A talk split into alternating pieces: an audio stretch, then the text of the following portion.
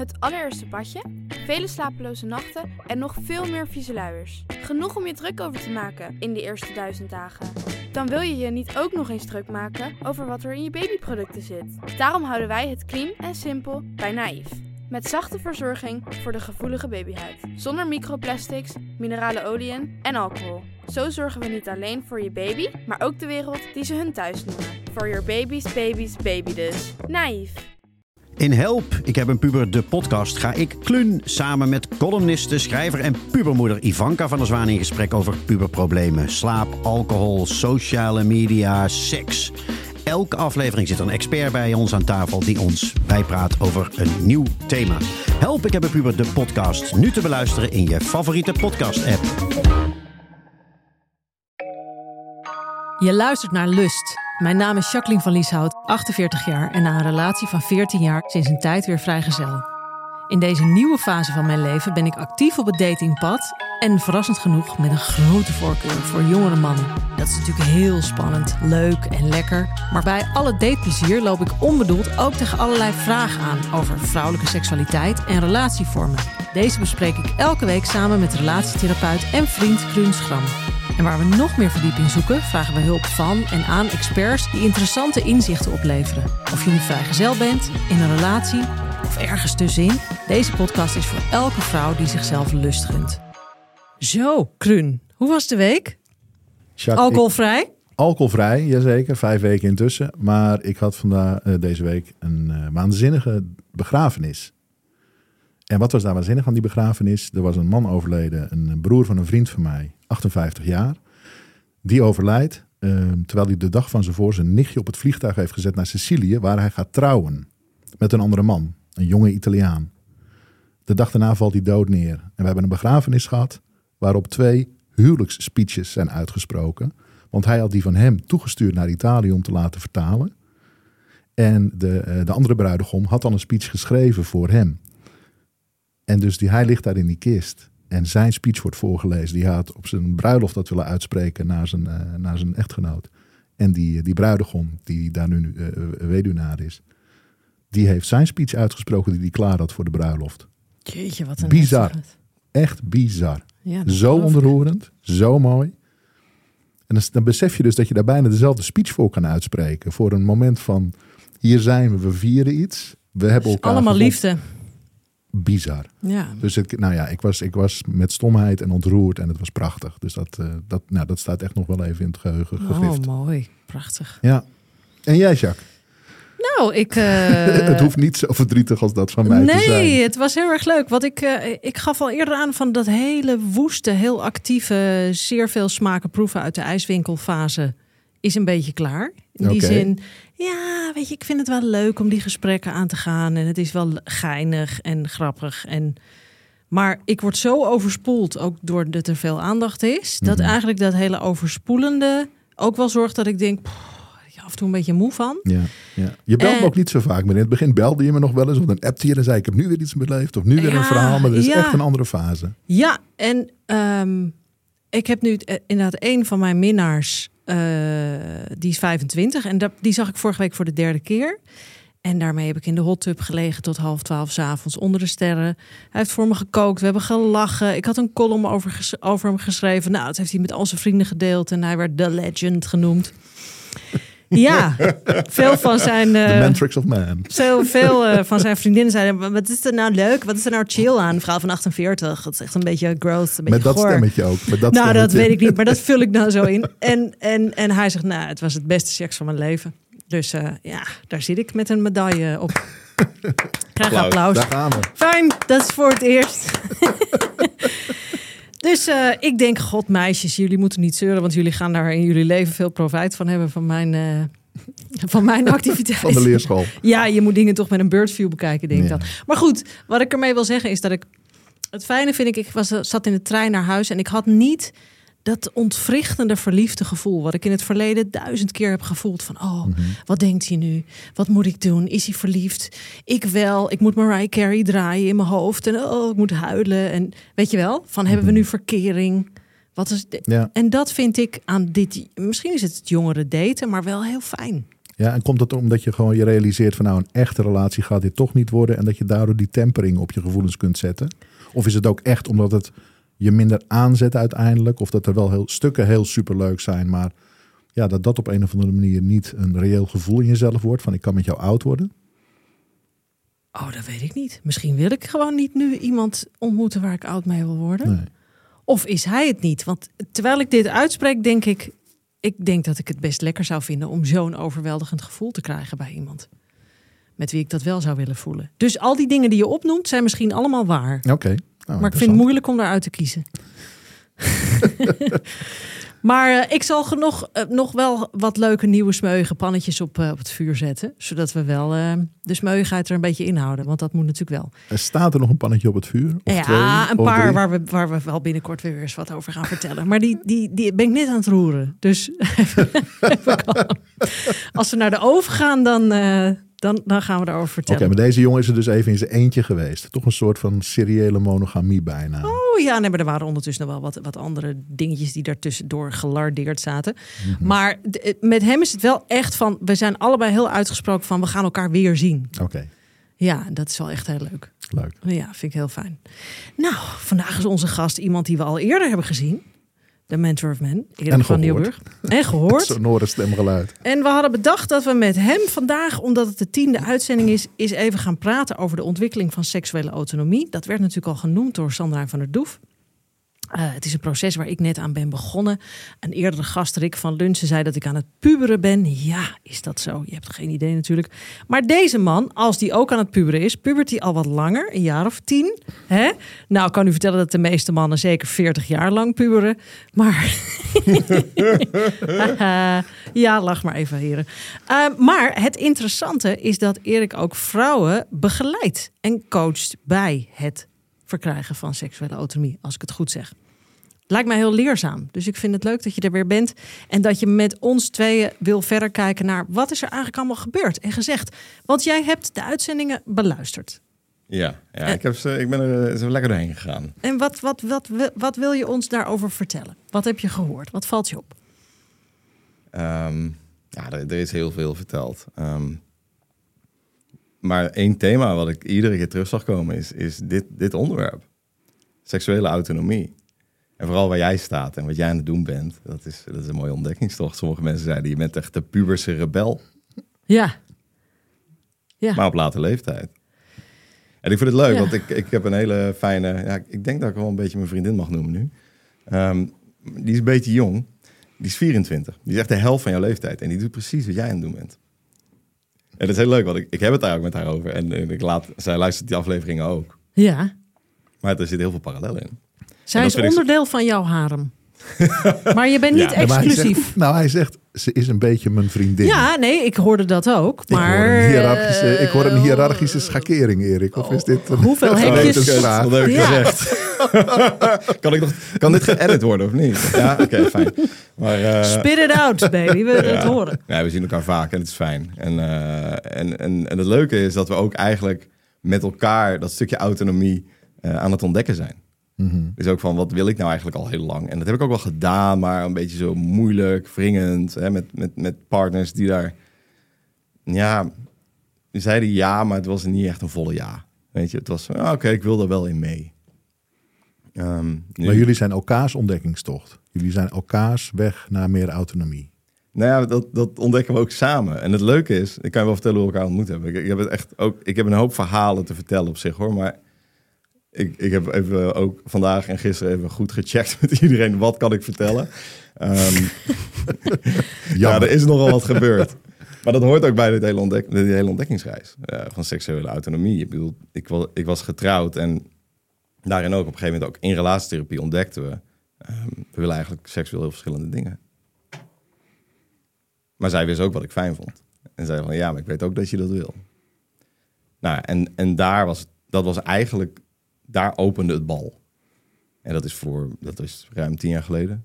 Ehm, maar, maar toen ben ik echt ook gaan, we hadden het altijd al over van, ja, we geloven niet dat we echt ons hele leven alleen maar eh, seks met elkaar zullen hebben. Ehm, maar we waren ook niet op zoek of bezig met andere mensen. Maar in een wensen-grenzen gesprek werd duidelijk dat jullie het met elkaar beter niet konden vervolgen. Nou ja, er was wel een overlap in de interesses. Ehm, maar ook eh, op, een- op een heleboel gebieden ook discrepanties. Ehm, en toen hebben we de relatie geopend. Oké. Oh, dit is een fase dat jullie nog wel bij elkaar gebleven Ja, zijn. ja, ja. ja. En eh, nou, daar is het begonnen. En dat wil, je, wil je dat dan allebei?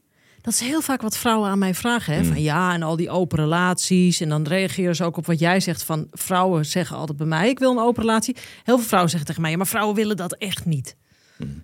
Maar dat hebben jullie dus andere ervaringen mee. Absoluut. Ja, Ja. jij ook. Hoor je dat ook van vrouwen? Eh, gemengd. En weet je wat het is? Eh, als je het weer hebt over de vrouwelijke inschikkelijkheid, de meegaandheid, dan zullen vrouwen heel vaak meegaan in zoiets, terwijl ze dat misschien niet willen. Maar dat zie ik af en toe ook bij mannen. En daar zit vaak wel weer de angst voor verlies onder. Dus het is, het is heel belangrijk dat je heel erg transparant kan zijn met elkaar hierover. Hè, wat, wat de waarheid is. En in mijn huwelijk destijds bleek dat helemaal niet zo te zijn. Ja, nou, ik had vandaag nog een vrijgezelle, eh dan wel een vriendin eh, aan de lijn. En die belde mij, want die zegt, weet je, ik heb je te lang niet gesproken. En waar ik nu mee worstel is dit. Hè, ik ben vrijgezel. Ik wil eigenlijk weer heel graag daten, maar niet monogaam. En ik merk dat ik blokkeer, omdat ik elke keer de stemmen van mijn ouders nog steeds in mijn hoofd hoor. Dat ik nog steeds met die mythes en die beelden in mijn hoofd zit. Dus ik wil eigenlijk open leven, niet monogaam leven. En ik weet de weg niet te vinden. Want als ik ergens op een date ga, dan, dan gaan allerlei stemmetjes in mij, die gaan aan de gang. En het gebeurt vervolgens niet. Weet je, dan denk ik van, nou, dat, dat is eigenlijk een combinatie van enerzijds dat ik zeg, er zijn echt vrouwen die een open relatie willen. En anderzijds wat jij ervaart, dat die stemmetjes in vrouwen eh, sterk zijn. Ja. Dat je dat niet mag willen of dat het niet past of dat het niet oké is. ja, dat dat niet kan.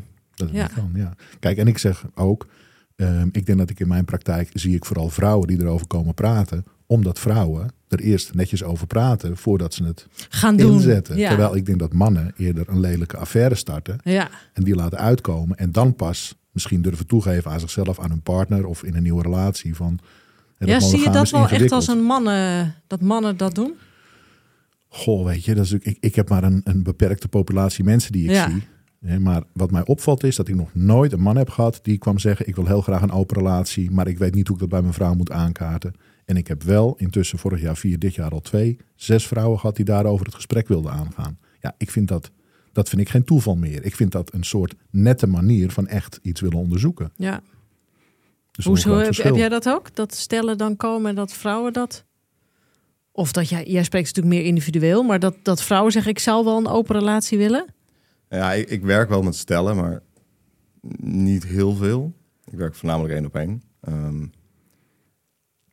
nou, er een stel wat ik onlangs, onlangs eh, op de bank heb gehad. En dat was ook, ja, het initiatief kwam vooral vanuit haar. Ja.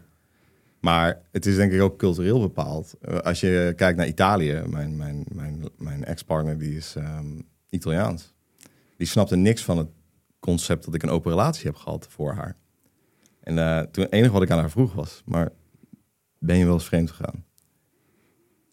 Ja, toen werd ze heel erg blozerig. En, en toen zei ze, ja, maar dat is, dat is bij ons de cultuur. En, en eh, nou, ik, heb, ik ben een tijd met haar geweest. En ehm,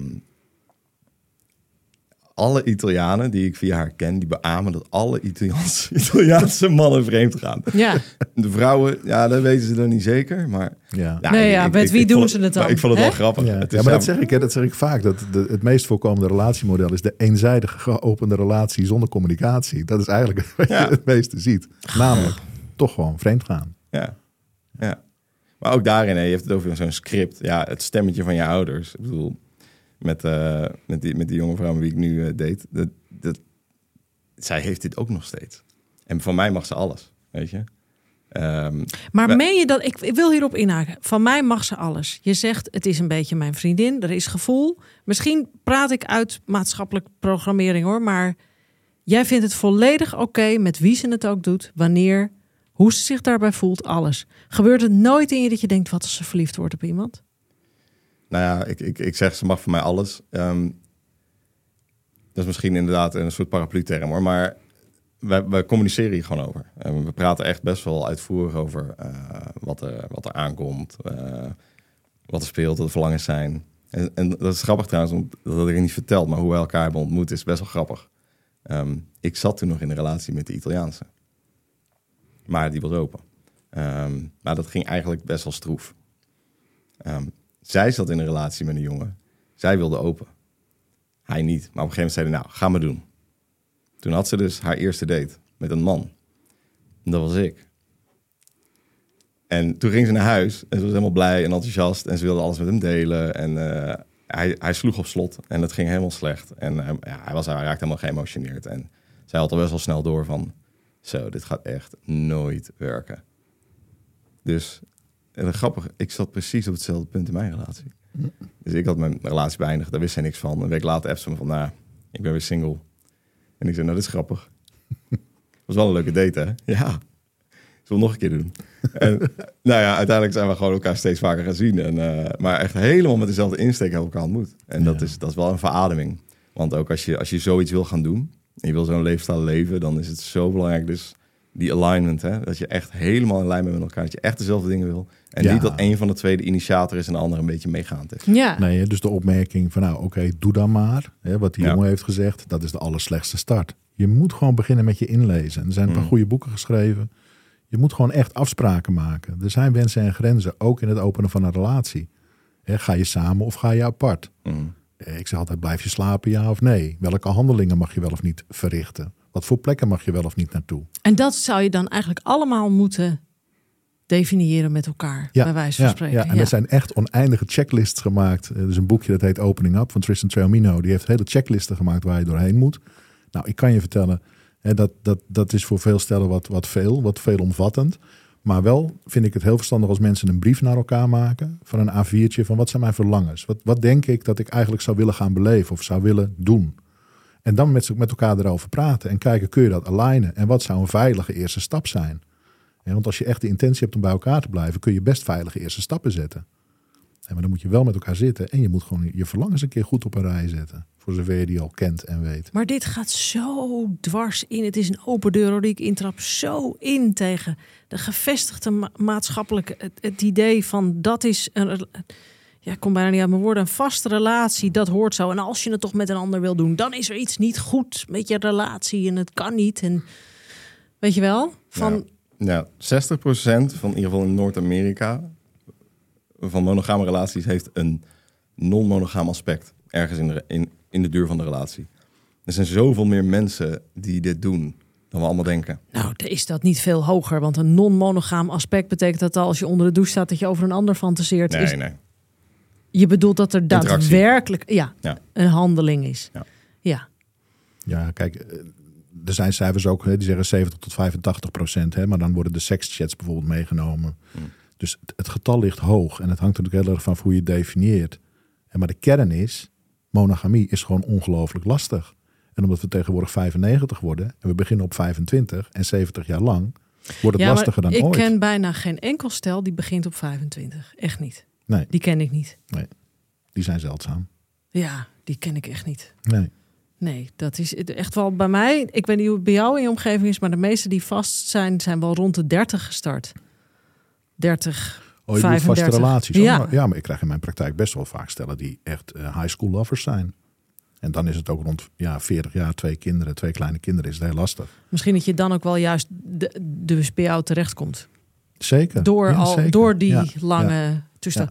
Maar als Nee, we zelfs als je op je 35ste zou starten, dan heb je nog steeds 60 jaar met elkaar te overbruggen. Je gaat nog zoveel levensfases door. Je gaat nog persoonlijke groei. Je gaat verrast worden door jezelf. Je gaat, ja. je gaat mensen tegenkomen die je meer boeien dan je eigen partner. Dus het is een ontzettende rocky road. En we hebben er geen taal voor. We praten er niet over. Er is geen consultatiebureau voor relaties. Dat is Nee. er wel voor als je een kind krijgt. Maar voor je relatie is het er niet. En naar de nou ja, dominee seks, gaat niemand seks meer. al helemaal niet. En seks al helemaal niet. Nou, Nee. precies. Dus we hebben wat dat betreft hebben we het niet heel handig ingericht. En is het een grote challenge. Ja. Ja, Nou je ja. zit te knikken. Ja. Ja, ja. het is echt zo van zoek het maar uit. Maar dat heb ik eigenlijk ook al met het krijgen van een kind. Dat is zo van, eh, ja, er zijn wel boeken over geschreven, maar als je het moet gaan doen, dan... eh, Ja, wel, Overle- maar als het overleef er jezelf maar, weet Ja, je. maar als het er is, Ja. dan hebben de consultatiebureaus, die zetten je op de agenda. En Ja. dan ga jij een heel mooi pad afwandelen met kraamzorg. En wordt alles wordt je geleerd. En hmm. Hè, dat is echt veel beter begeleid dan, dan dit stuk in relaties. Ik vind dat wel een mooi punt wat je nu aanbrengt. Want ehm, als we nadenken over van, wat wil ik nou uit een relatie? Hè? Mhm. Voor mij was dat een script vroeger. Hoe bedoel je dat je een script wilde? Of nee, het was, het- je had het bedacht? ik, of, denk dat, ik denk dat de meeste mensen een script volgen. ja. Hè, we leren een script. Inderdaad, dat is gewoon dat, dat is verweven in, in onze maatschappij, ook vanuit religie nog. En dat, dat, dat leeft nog steeds. Ja. Alleen, we gaan niet meer naar de kerk. Maar heel veel van die overtuigingen, die leven nog steeds in ons en die dragen we uit. En ook de shaming waar we het eerder over hebben gehad, weet je, dat, komt ook, dat, Ja. dat haakt daar ook op in. Ja. Ehm, Disney-verhalen. Eh, de Notebook, weet je. Echt, eh, Oh, ja, heerlijk. ach, ja, een heerlijke Ja. film trouwens. Maar eh, ja, ik als man vind dat dus een heerlijke film. Ja. Ja, want ik ben ook wij, een wij hebben romanticus. met het gezin ook al vier. Oké, oké, nee, ik hoor iets heel Maar bijzonders. daar zit een mooie quote in. Ja? What do you want? Die Ja. scène, weet je Ja, wel? ja, ja, ja. What Nee. do you want? Ja, maar dat Ja, vind ik mooi, want het gaat eigenlijk over die autonomie. Mhm. Wat wil zij dan? Ja. En ze kan het niet zeggen, want Nee. ze zit zo vast in haar, In wat mijn moeder wil, wat Ja. de maatschappij wil, wat de cultuur en- wil. Ja. maar vooral de familie. Maar Ja. ik hoorde even iets tussen neus en lippen door. Eh, ik ben een romanticus. Kun jij dan eh, verliefd zijn en exclusiviteit willen? Exclusiviteit willen of niet willen? Is... Willen. Wel. Kijk, als ik Ja. verliefd word en eh, lieve luisteraars, ik ben het een paar keer geworden in de afgelopen half jaar. De ene keer wat heftiger dan de andere. Ik heb het met Kruun wel besproken. Ehm, nou, je ziet me hier zitten stralen. Goed, in ieder geval, laat ik mijn zin afmaken. Dan is er toch iets in me wat verlangt naar alleen met diegene. En dan doet het pijn het idee dat hij het op dat moment met een ander zou doen. Hoe vrijgevochten, hoe autonoom, hoe ik ook met alles meega. Maar dan gebeurt je brein wordt op de een of andere manier toch gekaapt. Herken je dat dan? Herken jij dat? Oh, zeker. Ja, echt. Oh, ik heb zo geleden. Ja, ik ook. het 100 gewoon miljoen keer. Kapot gaan. Ik bedoel, mijn eerste mannengroep, die werd echt... Die kon me niet meer aanhoren. Daar, daar kwam ik weer binnen en iedere maand hetzelfde kutverhaal, weet je. Zo Ja. van, oh god, dan gaan we weer. Echt, Maar ja, eh, jullie, wij denken toch steeds dat vrouwen, dat mannen dus niet heel erg door verliefdheid opgeslokt kunnen worden, maar wel dus. Nou, het is sterker nog. Een vriend van mij die zei dan altijd weer als ik verliefd was op een, eh, een vrouw. En dat was dan in mijn studententijd bijvoorbeeld. En, en nou, ja, ook daarna, ik ben heel lang alleen geweest. Ehm, dan zag hij dat en dan wist hij dat. En dan zei hij letterlijk tegen mij... Oké, we zien elkaar even drie maanden niet, want ik zie dat je verliefd bent. Want hij wist dat ik ook inderdaad daar helemaal vol in ging. Ja, en dan ging je ook he- inderdaad helemaal. ah, jij dus ook. Nou, dit is echt een heel interessant fenomeen wat hij hier beschrijft. Want wij als mannen zijn het gewend dat onze vrienden gewoon van de radar verdwijnen. Ja, daar komt. klagen het ook. Daar hoor ik mannen ook over klagen. Ja, ik ah, irritant. verschrikkelijk. ik vind het echt jammer. Ja. Ja. Maar dat is echt een versmelting met eh, een soort van, ja, misschien een surrogaatmoeder. Of, maar, ja, maar ja, dan, zou dat ja, maar dan is het hele openen van de relatie is totaal niet aan de orde. Nee, Toch? Nee, vaak niet. nee. Nee. Nee, maar het is ook interessant op een gegeven moment als je eh, een open relatie hebt gehad, daaruit komt en dan in een nieuwe relatie stapt, of je dan weer zo'n fase hebt van dat je eh, monogamie wil, of dat je dan zegt van, eh, weet je, ik heb ontdekt dat ik van de niet open, van de eh, niet monogame relaties ben, dus weet alvast, wij gaan niet monogaam zijn. En ik ben verliefd op je. Kan dat naast elkaar bestaan? Dat is een beetje jouw vraag. Nou ja, ik weet niet zozeer wat mijn vraag. Ik vind het gewoon interessant dat verliefd zijn toch een. Je bent, je bent gewoon daar even niet. Je bent een soort van aangeschoten. Eindelijk weer eens aangeschoten, denk ik dan. eindelijk. Ja, dat, En dat je, ja, je wil dan gewoon met diegene zijn. Ja, het grappige is natuurlijk dat de open relatiewereld heeft daar een term voor bedacht. Dat is de NRE, de New Relationship Energy. En daarmee hebben ze ook een soort van eh, label erop weten te plakken, waardoor het niet zo groot romantisch wordt. Dus je hebt een NRE met een nieuwe partner, met iemand die in jouw leven komt en waar je waanzinnig toe aangetrokken voelt. Maar als je dat NRE noemt en niet verliefdheid, dan snap je, dan gaat het niet zo met je op de loop. Hè, dus- Ja, maar kun je dat echt zo verstandelijk besluiten? Je krijgt toch een soort territoriumdrang. Ik bedoel, Erik, come on, back me up hier. Ja. Je wilt toch Ja. dagenlang met diegene in bed liggen doordat de vellen erbij hangen? Dat is toch wat je wil? nou ja, jij in ieder geval wel, zoveel is duidelijk. Ja. Ik weet het niet. Ik heb daar niet genoeg mensen over gesproken Ja. om te weten of dat voor. Maar ik weet zeker dat dat niet voor iedereen geldt. Ik weet zeker dat er polyamoreuze mensen zijn die echt van meerdere mensen tegelijk kunnen houden en daar niet een heel echt exclusief groot ding in creëren in zichzelf. Eh, maar ik heb ook iets dat ik denk van ja, het is natuurlijk super gezond als je een tijdje heel erg op elkaar gericht bent om die eerste basis, die fundering, die intimiteit, de trauma's samen doorgaan die je uit je jeugd hebt meegenomen, je gezin stichten. Ik heb niks tegen monogame fases. Nee, maar je gezin stichten. Je, ik bedoel, ik kan nu ook verliefd worden. Ja, zeker.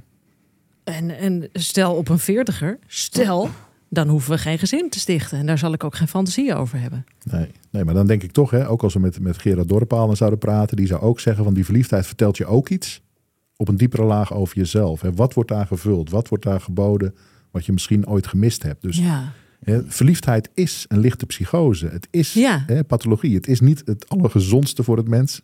Hè, we, we, nemen, we zijn roekelozer, we nemen slechtere besluiten, we Ah, eten wel slechter. heel lekker. Het is heel lekker, maar het is niet onze meest gezonde, goede fase. Nee, Dus Rick, Rick van Lunsen zei van je kan ook gewoon steeds om het half jaar weer opnieuw verliefd eh, worden. Ja. Dodelijk vermoeiend, maar wel heel spannend en leuk. nou Ja, ja, er is een heel een boek over geschreven. Verslaafd aan liefde. ja, Maar, maar ja, maar Carl Jung zegt het ook. Hè. Verliefdheid is de grootste vorm van projectie. En ik weet wel, toen ik die quote ooit las, toen dacht ik... Oh, ik zal je eerlijk zeggen, als ik dat voel, en dat voel ik soms... Verliefdheid. Ja, zeker. Ja, ik kan er helemaal swept off mijn fiets zijn. Ehm, dan denk ik wel, wat, net zoals Rick dat zegt... ehm, hoe komt dat? ja. Ja. ja, of Gerard Dorpaal. Ja, Precies. ik, ja, ik, ja, het? ja, ik wil gewoon, ik wil me, oh ja, Gerard, ja. Ehm, ja, ik ben eigenlijk wel benieuwd welke blinde vlek ik nu niet zie. Maar Ja. nog steeds, ik wil ook niet, niet alles plat relativeren. Want Weet je wat ik het- van- Nee, ik zou zeggen, weet je, als, als je dit overkomt, ook al wil jij nu doen wat je aan het doen bent, eh, en, en op een gegeven moment wordt je hart gewoon gevangen door iemand. En- Gevangen. Ja. En, en, en je wil hem ook helemaal hem geven, dan doe het gewoon. Luister naar waar jouw behoefte ligt op dat moment en Ja. dan doe je dat. ja, je ik ben eh, ooit heel erg verliefd geweest op... eh, nee, ik ga ze nou niet noemen. Maar op een jongen. de- en daar heb ik mee gezoend op 15 maart 1992. Vergeet ik nooit meer. Ik weet op het nummer Justify My Love van Madonna. In een kroeg in Haarlem. En zij zong We Can Fly. En op het woord fly gingen we zoenen voor het eerst. Ik vergeet het nooit meer. Als ik hem nu nog zie, die man. Dan zijn we dus 31 jaar verder. Dan sta ik nog te trillen op mijn benen. Het is een vreselijke kerel. Het is een verschrikkelijk karakter. Hij ziet er niet meer uit. Maar daar staat hij.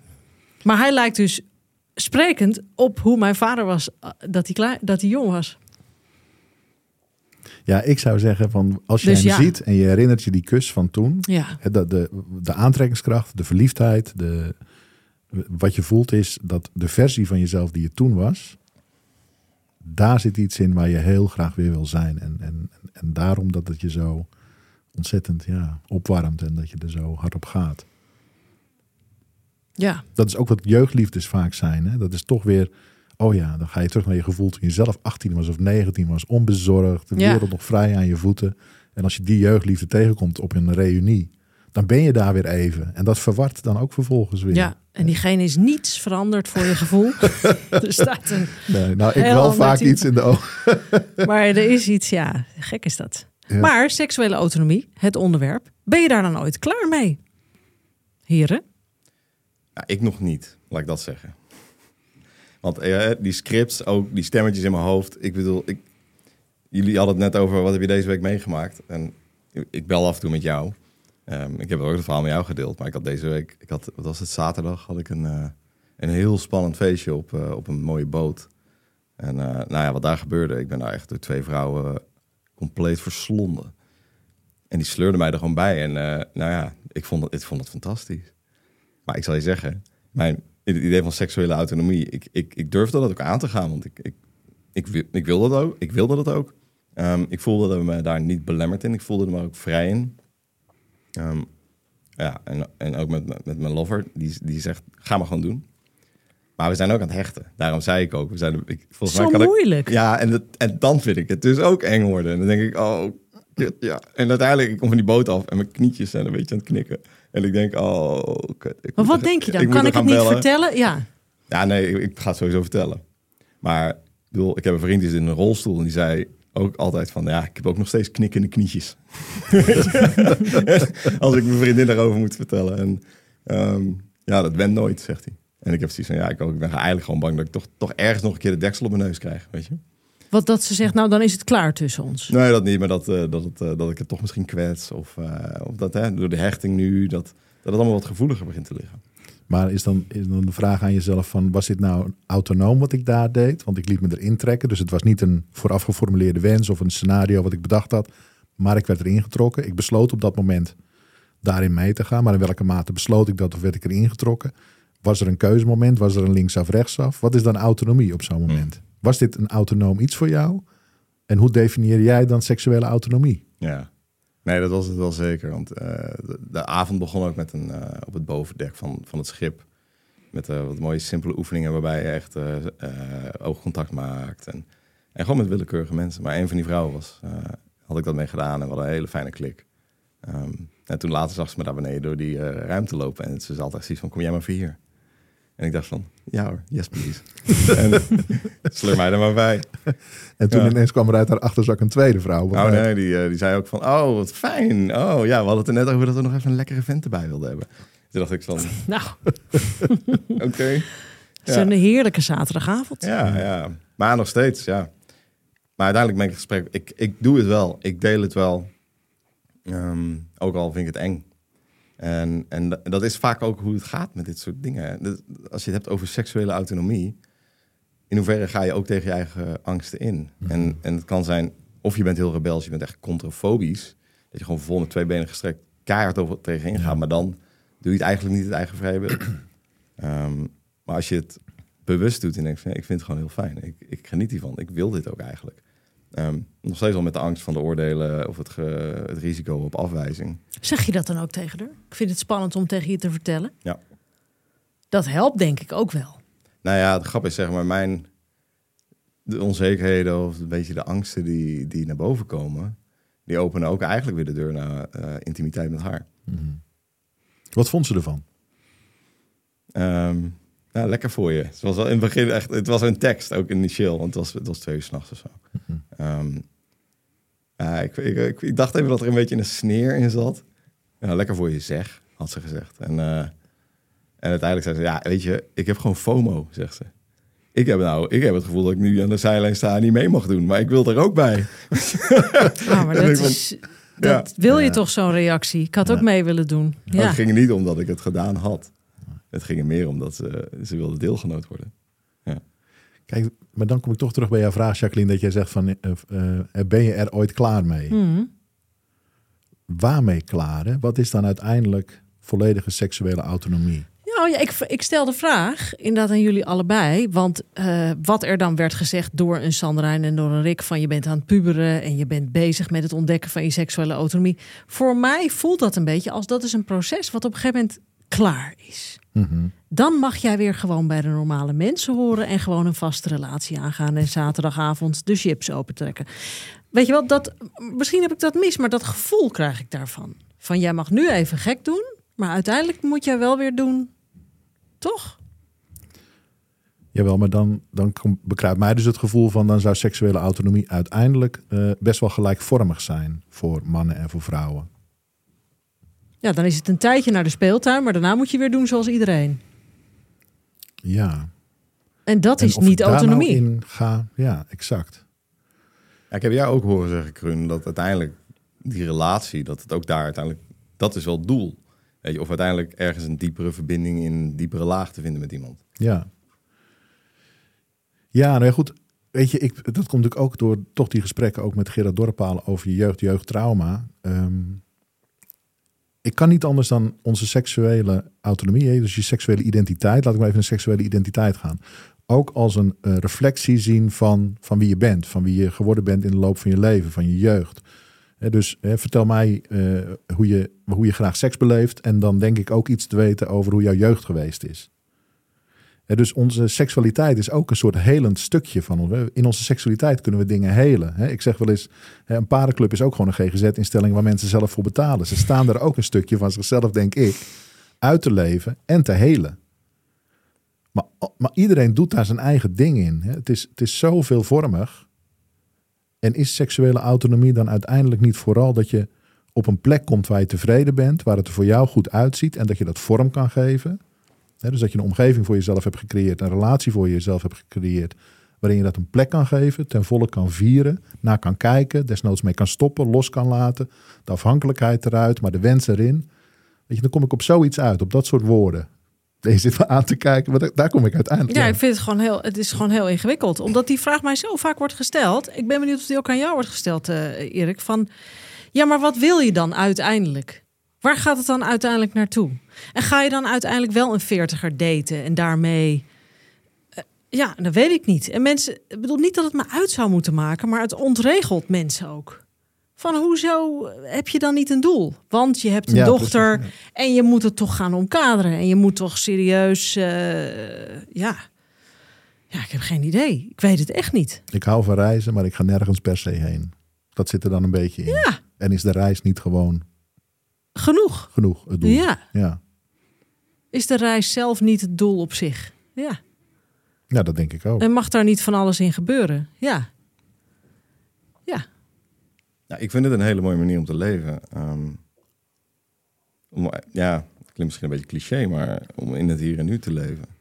Eh, en eh, de wereld door te navigeren, op plekken te komen, mensen te ontmoeten. En in die momenten een verbinding aan te kunnen gaan met iemand of iets te ontdekken. En denken, oh, dit is leuk, hier wil ik even in mee. Ja. In plaats van dat ik altijd maar bezig ben, ik moet een doel hebben, ik moet een doel hebben, ik moet een doel. Weet je, als je alleen maar met het doel bezig bent, wanneer ga je van je, van je leven genieten? Weet je? En ehm, voor mij is het ook een beetje een gevoel van overgave aan het leven. Ja, ik zeg wel eens, ik zei vanochtend tegen iemand, het is eigenlijk precies zoals kinderen spelen. Die komen bij elkaar, die hebben geen plan en die zeggen, oké, ik was de inbreker. Ik kwam binnen en jij zat op het bed. Nee, zet die ander, ik wil eerst nu de inbreker zijn. Oké, dat is goed. En je gaat het spelen en terwijl je speelt, bam, bam, bam, bam, bam. En, en ik doe nu dit en ik doe dit, dat. Dat is hoe ik me voel nu. Dat is wat ik aan het doen ben. Daar ben ik bij terug aan het komen. Nou, dat is zo lekker. Ja, maar, Vooral die rollenspellen. Maar moet, moet playtime dan weer over zijn? Nee, maar we hebben ergens besloten als volwassenen dat die playtime over is. Nu wordt het tijd om serieus te zijn. Ja, maar vrouwen noemen het zelfs, oh ja, ik had mijn year of shame. Maar Oh ja? year of shame, echt? Ja, Daar heb ik ja. nooit van Nee? gehoord. Oh, ik gelukkig ook Nee, niet. maar gewoon zo tussen relaties, net voordat ze dan gingen trouwen en kinderen kregen. Oké. En dan eh, even nog een jaar lekker van de ketting. Ja. Het leuke is, bedoel ik altijd een collega, die had het daar altijd over. Die gebruikte ook die woorden. Het was echt een hele wilde vrouw, die maakte de hele dag seksgrappen. En, ehm, maar ja, uiteindelijk haar year of shame, dat, dat, dat, daar sprak ze dus altijd zo, zo vol enthousiasme over. Dat ik denk van, waarom heb je niet gewoon een live of, nou noem het dan shame. Ja, Net als de walk of shame. Ik bedoel, mijn ex die, eh, en ik had een open relatie. En op een gegeven moment had ze een date gehad in Berlijn. En altijd als er dan, als er een avontuurtje was geweest, dan belden we elkaar even. En dan checkten we in met elkaar en vertelden ze hoe het was. En, en op een gegeven moment was het zes uur 's ochtends, de zon in Berlijn kwam op. En ze belt mij. En ik had zoiets van, ik was al op, maar ja, ik heb kleine kinderen. En ik denk, oh ja, nou, het is zover hoor. Nou, dus ik neem op. Ik zeg, schat, hoe is het? Zij zei, ja, ja ik dacht, eh, ik bel je even, want eh, ik heb net een mooi avontuur gehad met de mooiste jongen van de disco. En eh, nou, ik loop nu op straat. In Berlijn, er is niemand op straat, de zon komt op. Ik doe mijn walk of shame. En ik zeg zo, nou ja, waarom maak je er niet gewoon een victory walk van? ja precies. Zij zo, ja, dat is eigenlijk heel stom, hè? Ik zeg, ja, maar die schaamte de hele tijd op. Weet je, wat, wat is er nou mis mee?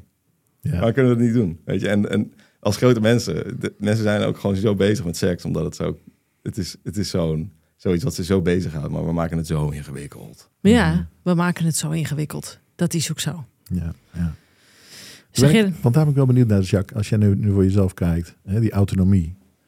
Wat, wat zijn nog stappen waarvan je denkt, die zou ik willen zetten? Of dat, dat stukje heb ik ooit de afgelopen maanden overwogen, ben ik nog niet aan toegekomen. Zijn, zijn, er, ja, zijn er richtingen waar je nog, nog nieuwsgierig naar bent? nou, ik zou het wel heel leuk vinden om eh, is heel intens verliefd te worden en dat dat wederzijds is. En om alles wat er nu is gebeurd, dat is even dan te ervaren. Eigenlijk zoals ik heb het jou niet horen zeggen, Erik. Wil je geen woorden in de mond leggen, maar dat je hechting gaat voelen. Dat je connectie gaat maken, dat je elkaar vaker gaat zien. Eh, en hoe gaat dat zich dan uitspelen? Dat vind ik interessant. Zonder dus in een script te hervallen. Want dat wil ik nooit meer in een vast script vallen. Ja, dus eigenlijk het verlangen naar echte intimiteit en verbinding. Ja, En op een of andere manier is de afgelopen maanden je daten, die jonge mannen, is daar toch voor nodig geweest. ja maar ik zou ook prima met een jonge man kunnen verbinden. Oké. Want die zijn er wel geweest. Er zijn Oh. er een paar geweest waarvan Hmm. ik weet, dat kan ik met jou. En kun je dit vormgeven of moet dit je echt gebeuren? Want ja, je zou Ik kunnen zeggen, er iets- moet gewoon heel veel zand door de zee en dan komt die golden nugget vanzelf een keer.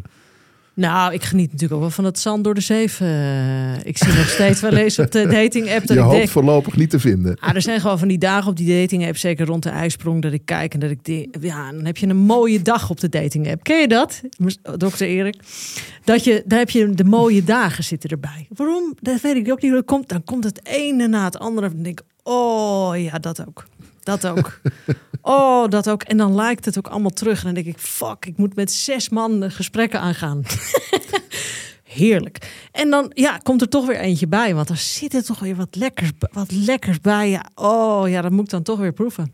Verslavend, hè? Blijft het. Ja, ik blijf altijd een junk. Dus dat, eh, dat weet ik ook wel van mezelf. Ja, dan zou ik dat allemaal weg moeten doen. Die apps. Ik vind Ik het oh, Ja, sorry. Ja, ik vind het mooi wat je zei over het script. Ehm, want, want stel je nou eens voor, dat er is geen script. Stel dat je helemaal blanco begint. En van, Mm. nou, dus zo ging ik ooit relatietherapie in. Eh, Ik heb alles gedaan. Ik, heb, ik, had, ik had mijn huis, ik had de kindjes, ik had auto, ik had goed, goed werk, weet je. Ik verdiende veel geld en het ging allemaal supergoed. Maar we waren helemaal niet gelukkig.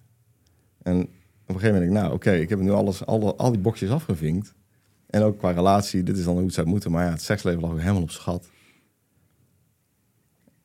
En na die scheiding dacht ik, nou weet je wat?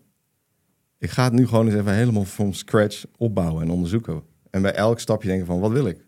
Wat vind ik fijn? Wat, wat, wat, wat wil ik? In plaats van dat ik altijd denk van, wat wil de ander? En dat is ook een beetje mijn valkuil. Ik was altijd heel erg bezig met, met de mensen om me heen. Eh, de, de moed te peilen, kijken wat iedereen wilde. Alle neuzen dezelfde kant op. Maakte me ook goed in mijn werk, maar uiteindelijk vergat mezelf altijd. Is dat niet heel erg ook een mannending? Want ik hoor, ik hoor jullie allebei eerder... Nee, niet Erik. Ik hoorde jou eerder zeggen, Krun... mannen gaan dan liever in een geheime affaire... Weet je, gaan liever dan vreemd... dan dat ze de relatie openen. Nou, liever dan. Het is gewoon wat ze doen. Het is gewoon wat ze doen. Maar Ja. dat ligt voor mij, als ik jou nu hoor dat je zegt van, weet je wel, van ik hield altijd rekening met. Eigenlijk zou je dat aan elkaar kunnen linken. Van als meerdere mannen dat doen, van oh, als don't anger it, weet je wel. Als zij maar niet boos wordt, als de kinderen het maar goed hebben. Nou ja, en dan ben ik geil. Nou ja, dan ga ik daar maar vreemd. En dan maar hopen dat niemand erachter komt. Ja, nou ja, goed. Ik zit ook steeds naar Erik luisteren. En hij zegt, hè, er is dat script. Dat is een script wat heel erg gaat over hè, hoe wil ik hè, onze carrières. Waar gaan we wonen? Eh, willen we nog emigreren? Worden we expats of blijven we hier? Eh, wat voor auto, tuin? eh, Vakantie. hè, hoe ja. ziet dat eruit? Hoeveel kinderen willen we? Wat voor soort gezin gaan we zijn? Gaan we sportief zijn of cultureel zijn? Dat, dat, dat soort gesprekken denk ik dat mensen best wel voeren. Maar wat voor een... Het, het seksuele stuk, wat willen we daarin? En wat zijn daar wensen, verlangens, behoeften, doelen naar de toekomst? Waar zouden we uit willen komen? Hoe regelmatig bespreken we dat opnieuw? Hè, want op een gegeven moment zeg je, goh, het huis bevalt me niet meer, zullen we verhuizen? Het is te klein. Maar wanneer zeg je tegen je partner, eh, ons seksleven is mij te klein? Ja, dat heb jij waarschijnlijk ook niet gezegd. Nee, Nee. En dat- Nee, ja. Nou, kijk, wat het ook is, volgens mij hoorde je het ook in de vorige podcast ehm, met Elise. Zij deelde ook dat heel veel vrouwen druk voelen van hun partner. En eh, vooral na, na een geboorte.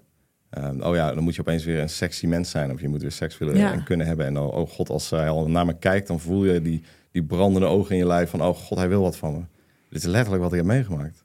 Maar ik had zoiets, nee, ik wil gewoon bij je zijn, weet je. Maar als ik al eigenlijk tegenaan kroop, dacht ze, oh kut, hij wil iets. En ja, weet je, als die disconnect er is om elkaar dan te hervinden, dat is lastig. En, Ja. en ik denk ik ook als man, toen wij door een moeilijke tijd gingen, ehm, had ik ook heel erg nog steeds het idee van, ja, maar ik wil, we moeten weer terugkomen waar we waren. Zo naïef. Want dat, je bent niet meer zoals je was. Nee, nee. Je is dat niet een groot geworden. probleem in de relaties? Ik denk het wel. Dat Ja. mensen dus na kinderen denken, het moet weer zijn zoals het in het begin was. Nou ja, Ja. wat we bij Rick van Dunsen zelf zeiden, dat we dat, hè, hoe we vreden, hoe de seks was in onze verliefde tijd, bijna Ja. als een soort blauwdruk meenemen. Van zo moet het dus blijven. En als het minder wordt, dan is het eigenlijk niet goed meer. Ja, dus sowieso verandert het. Hmm. En inderdaad, ik bedoel, na eerste kind, tweede kind. Hè, er zijn gewoon een aantal levensfases waar het fundamenteel in verandert. Ja, ik vond Rick Lunsen zijn zin, weet je wel, om de seks leuk te houden, moet je steeds leukere seks hebben op hogere leeftijd. Dat is zo de kern. Je moet er steeds naar terug. Je moet er steeds naar terug om het goed en beter en ja, om er samen van te blijven genieten. En wie doet dat? Bijna niemand. Nee. Nee, en dat, zelfs seks wordt een script. Ja. Heel vaak. Het wordt gewoon echt een uitgekoud, uitgekoud verhaaltje. ja. En eh, dat is precies waar vrouwen echt eh, heel weinig eh, interesse in hebben. Ja, En wat jij zegt, van, kijk, van mannen, als ze gewoon één keer per week seks hebben, dan zijn ze vaak wel hartstikke tevreden. ja, Ze zeggen, oh, ik heb een goed seksleven gehad in mijn leven. ja. Ja. Terwijl als je echt door zou vragen, natuurlijk zijn ze ook eenzaam. Is het ook niet fijn. Ik hoor natuurlijk heel Hmm. vaak ook van mannen van... ik voel echt wel dat ze het alleen voor mij doet. Dan denk ik, ja, stop dan, weet je wel. Wat haal je er dan? Of ga het gesprek aan. Het is het allermoeilijkste gesprek om te voeren in een relatie. Ja, maar in dat opzicht ben ik het ook weer niet eens met... Ik weet even niet hoe ze heten, maar die, was iemand die zei ook dat... eh, eh, vrouwen emotionele hechting nodig, bi- binding nodig hebben voor seks. Maar ik denk mannen willen... Ik denk super- Elise of Ja, Sandrijn, een van die ja. twee. Ja, dat was Elise, ja. Ja. Ehm, maar mannen zijn ook emotionele wezens. Alleen de manier waarop ze dat ja, vaak uiten, dat, ze hebben dat wel anders geleerd. Weet je, niet direct. Maar ik denk in bed, misschien dat ik daarom ook zo van seks hield en dat ik echt miste met mijn partner.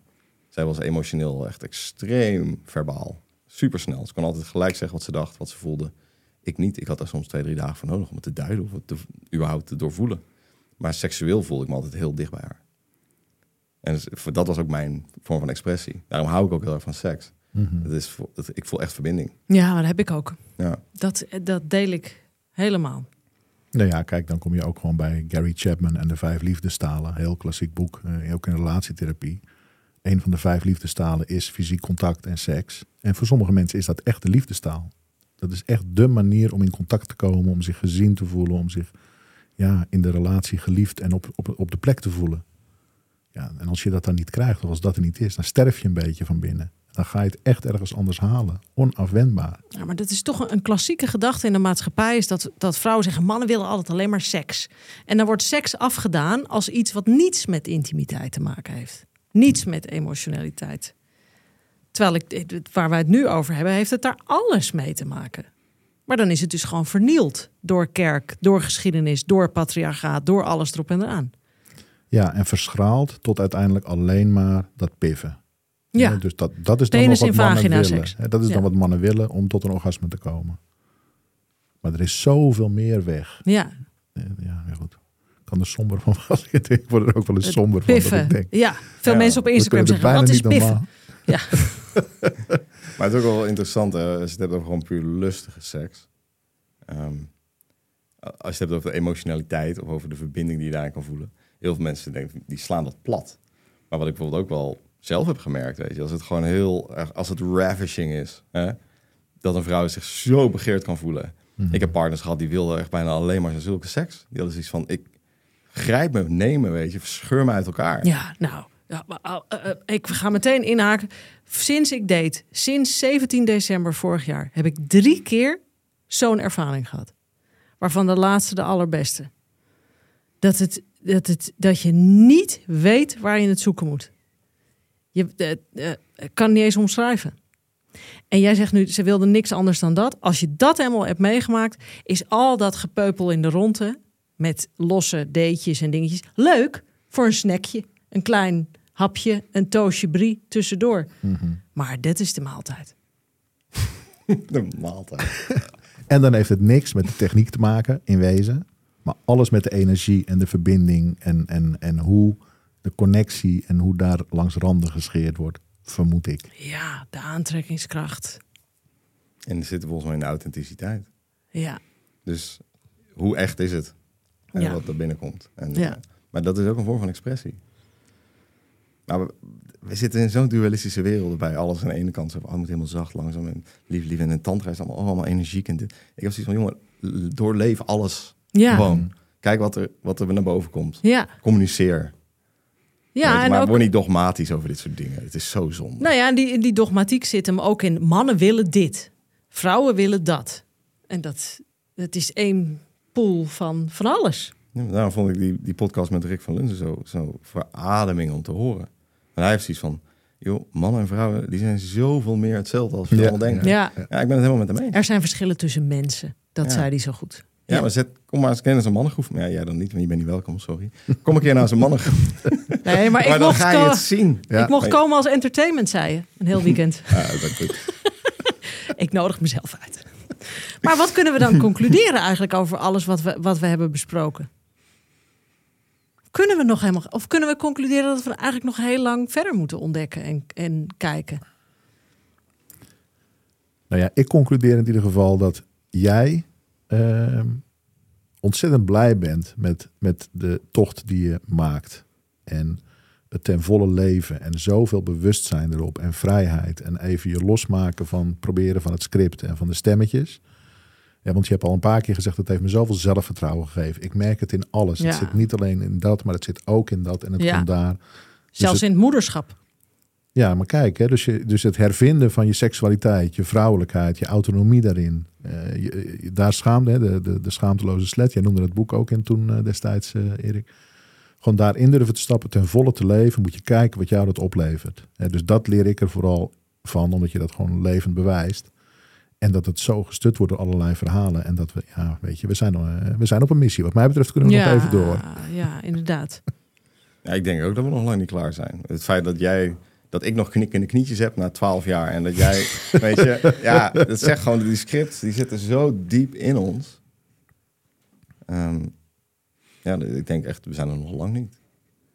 Maar ik zie ook een tegenbeweging Ja. gaande op dit moment. Hè? Dat, dat heel veel vrouwen weer eh, thuis moeten blijven als eh Ja. hun partner De uitgaat. threadwife. Ja. Nou ja, precies. En, eh, en dat de klassieke normen waarden. Je ziet ook nu met de gendergelijkheid dat er zo'n beweging ja, naar, naar meer ja, liberalisatie plaatsvindt.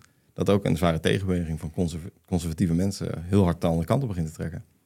En eh, dan gaat er die seksuele autonomie helemaal niet ten goede komen. Nee, nee, die zullen zeggen, wat was er mis met die scripts? Die hebben het toch heel lang goed gedaan. Ja, we doen het al jaren zo. Vroeger klaagde niemand. Heb jij nog tips voor de luisteraars die denken: ik wil ook seksuele autonomie? Aangezien we dat altijd vragen aan de gast. Ja. ehm, ik heb eh, eentje die, mij heel veel heeft gebracht. Dat is, eh, ehm, het was ooit in mijn tantra-school moesten we een shame practice doen. Eh, dat vond ik doodeng. We werden als mannen dus uitgedaagd om allemaal lingerie te dragen. En de vrouwen deden het ook. En daarna werd heel de avond gewoon één groot ge- gek wild feest. Maar je zag daar de polariteit omdraaien. Je zag op een gegeven moment die vrouwen gingen jagen op die mannen. En opeens dacht ik, oh, zo is het dus om als vrouw uit te gaan. Ik word helemaal aangerand de hele tijd. Maar dat ongemak instappen en dat gewoon gaan doen en dan die zaal in te lopen, echt het schaamrood op je kaart en denken, fuck, ik ga dit toch niet doen. Ja, ik ga het dus wel doen. En dat gewoon doen. Maar dat zijn vaak ook, dit kun je met allerlei verschillende dingen doen. Ik heb het ook gedaan met een legging aandoen en een tutu naar Gardens of Babylon. Ik stond er in mijn tent echt zo, Dus het, maar het devies daarvan is, want heel veel mensen luisteren en denken: Nou, Erik, zoek het uit. Maar het, Mhm. het gaat er dus om experimenteren. Stappen uit je rol, stappen uit je script. die dingen die je bij andere mensen soms ziet, waarvan je denkt, oh, dat is eigenlijk wel leuk. Of misschien zou ik, dat lijkt me ook wel wat. Maar dat je ergens zo een schaamte of een remming voelt van, Ja. maar dat kan ik echt niet doen. Oh, dat moet, oh, dat- Mijn moeder, die, die heeft letterlijk tegen me gezegd af en toe, ja, ik hoop echt niet dat mijn vriendinnen dit, dit zien. ik gewoon een leuk circusjasje aan en een legging voor een feest. Het was gewoon echt, eh, ja, Gardens. Dus Gardens of Babylon, daar gaan alle mannen in de leggings naartoe. Het is gewoon een super mooi feest. Mensen zijn prachtig aangekleed. Het is hartstikke leuk. En dat is ook een beetje experimenteren erin. Gewoon, ja, echt, ik ga, ik ga wel echt een beetje tegen mijn eigen remming in. En, eh, en dan merk ik, het is super leuk. Dat gaat echt de wereld voor me open. Dus dat, dat is één. Ik zou zeggen een shame practice. Ja. Nog meer tipjes? Ehm, nou, dat kun je voor jezelf doen. En wat je ook kan doen is ehm, andere mensen supporten hierin. Dus ik zeg altijd maar, weet je, ehm, promote slut-faming en stop met slut-shaming. Dus eh, ik zeg ook altijd van, met de pompoms aan de zijlijn voor vrouwen als Jacqueline. Weet je, wat zij doen in plaats van haar te veroordelen, de juiste prijzen.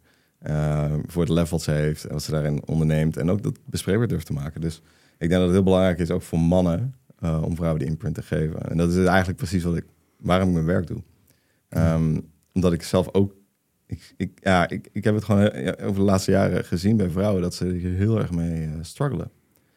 En, en ik vind het, ik vind, het maakt me echt verdrietig. Want ik, ik zie zoveel repressie, pijnlijke seks, frus- gefrustreerde relaties. Terwijl ik denk van, joh, als je leert om je hierover uit te drukken en durft te zeggen wat je niet wil, maar ook wat je wel wil, wat vaak nog enger is, ja, dan, dan kan echt de wereld voor je open gaan. En, en dat heb ik ook echt gezien met vrouwen die, met wie ik gewerkt heb. Die, die zijn echt, ja, die zijn echt stappen vooruit gegaan. En eh, hebben opeens relaties die ze wel willen met sekslevens die wel ja, goed zijn.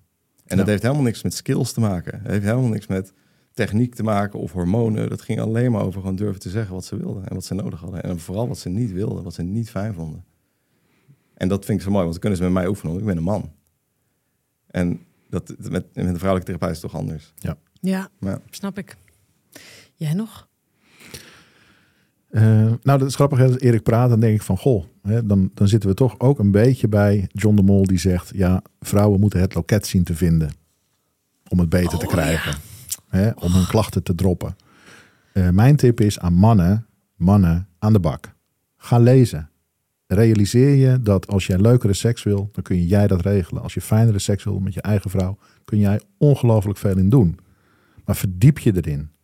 Weet je wel, verdiep je in je vrouw. Ik, jij hebt een keer gezegd van, oh nee, Gerard Dorp zei het, luister eens een keer vijf minuten naar je vrouw. En vraag alleen maar. Vertel, wat is het? Hè, wat zou je willen? Wat zijn je wensen? Je verlangens? Wat zou anders kunnen? Wat kan ik leren? Dan kan het echt veel leuker worden. Hè, maar we laten die mannen, we doen ook een beetje alsof mannen tevreden gelukkig zijn. Hè? En ik zeg dat zelf ook een beetje. Als je maar één keer per week, dan is een man tevreden. En er is heel veel eenzaamheid en heel veel ongeluk en heel veel verdriet. Ook bij mannen. En ook in relaties. Ook in de relatie. Ja. dus ik gun mannen dat. Hè. Ik bedoel, ze lezen allemaal managementboeken en zelfhulpboeken. En Stephen Covey hier en Deepak Chopra daar. Dan denk ik, pak de shameless shutter, slutter eens bij. de schaamteloze slet. En verdiep je nou eens een keer in vrouwelijke seksuele autonomie. Bijvoorbeeld. Of een van de andere vele boeken die ik wel eens geciteerd heb. Dan kun je zoveel doen. Kun je samen zoveel meer bereiken. En vrouwen gun ik alle tips van de wereld die jij ze geeft en die Erik ze geeft. Maar ik zeg tegen mannen, kom op gasten. Uit die stoel. Maak het leuk. Stap een beetje uit je slappe macho verhaal. En durf jezelf eens een keer echt in de spiegel aan te kijken. Mannengroep is natuurlijk een goede plek. Nou goed, dat noemde je net al. Maar echt. Ja, het gaat over leiderschap. Ja. Zelfleiderschap. Zelfleiderschap, ja. Maar dan op dit, op dit stuk. Ja. Ja. Nou, en voor alle single vrouwen die luisteren, of vrouwen in open relaties, of vrouwen die er gewoon zin in hebben, meld je aan bij een dating app. Sleep een 25-jarige mee naar huis. Uh, dan gaat hij waarschijnlijk proberen een vlek uit de kleding te boenen met zijn vingers. Jij denkt, dit is te hard, te woest en te heng. Zeg tegen hem, schatje, time out. Even de kokosolie pakken. Rustig aan, relax en maak er een fantastische avond van. Want het leven is te kort om het niet te doen. Hè? Zo is Wat het. jullie. Dat even voor de vrouwen. Ja. 48 jaar, hè? Mag ik dit niet zeggen dan? Nee, zeker, Zeker wel. wel. Oh. Je zei dat duurde dus 48, jaar. 48 jaar. voordat ik dit kon doen. Ja, Goed. maar Ja. Je, hebt, je hebt het gedaan. Dat is waar. Heerlijk. Dus jongens, er is hoop. Niet mekkeren over overgang en dingen. Gewoon aan de gang. Op het thee. Klaar. Klaar.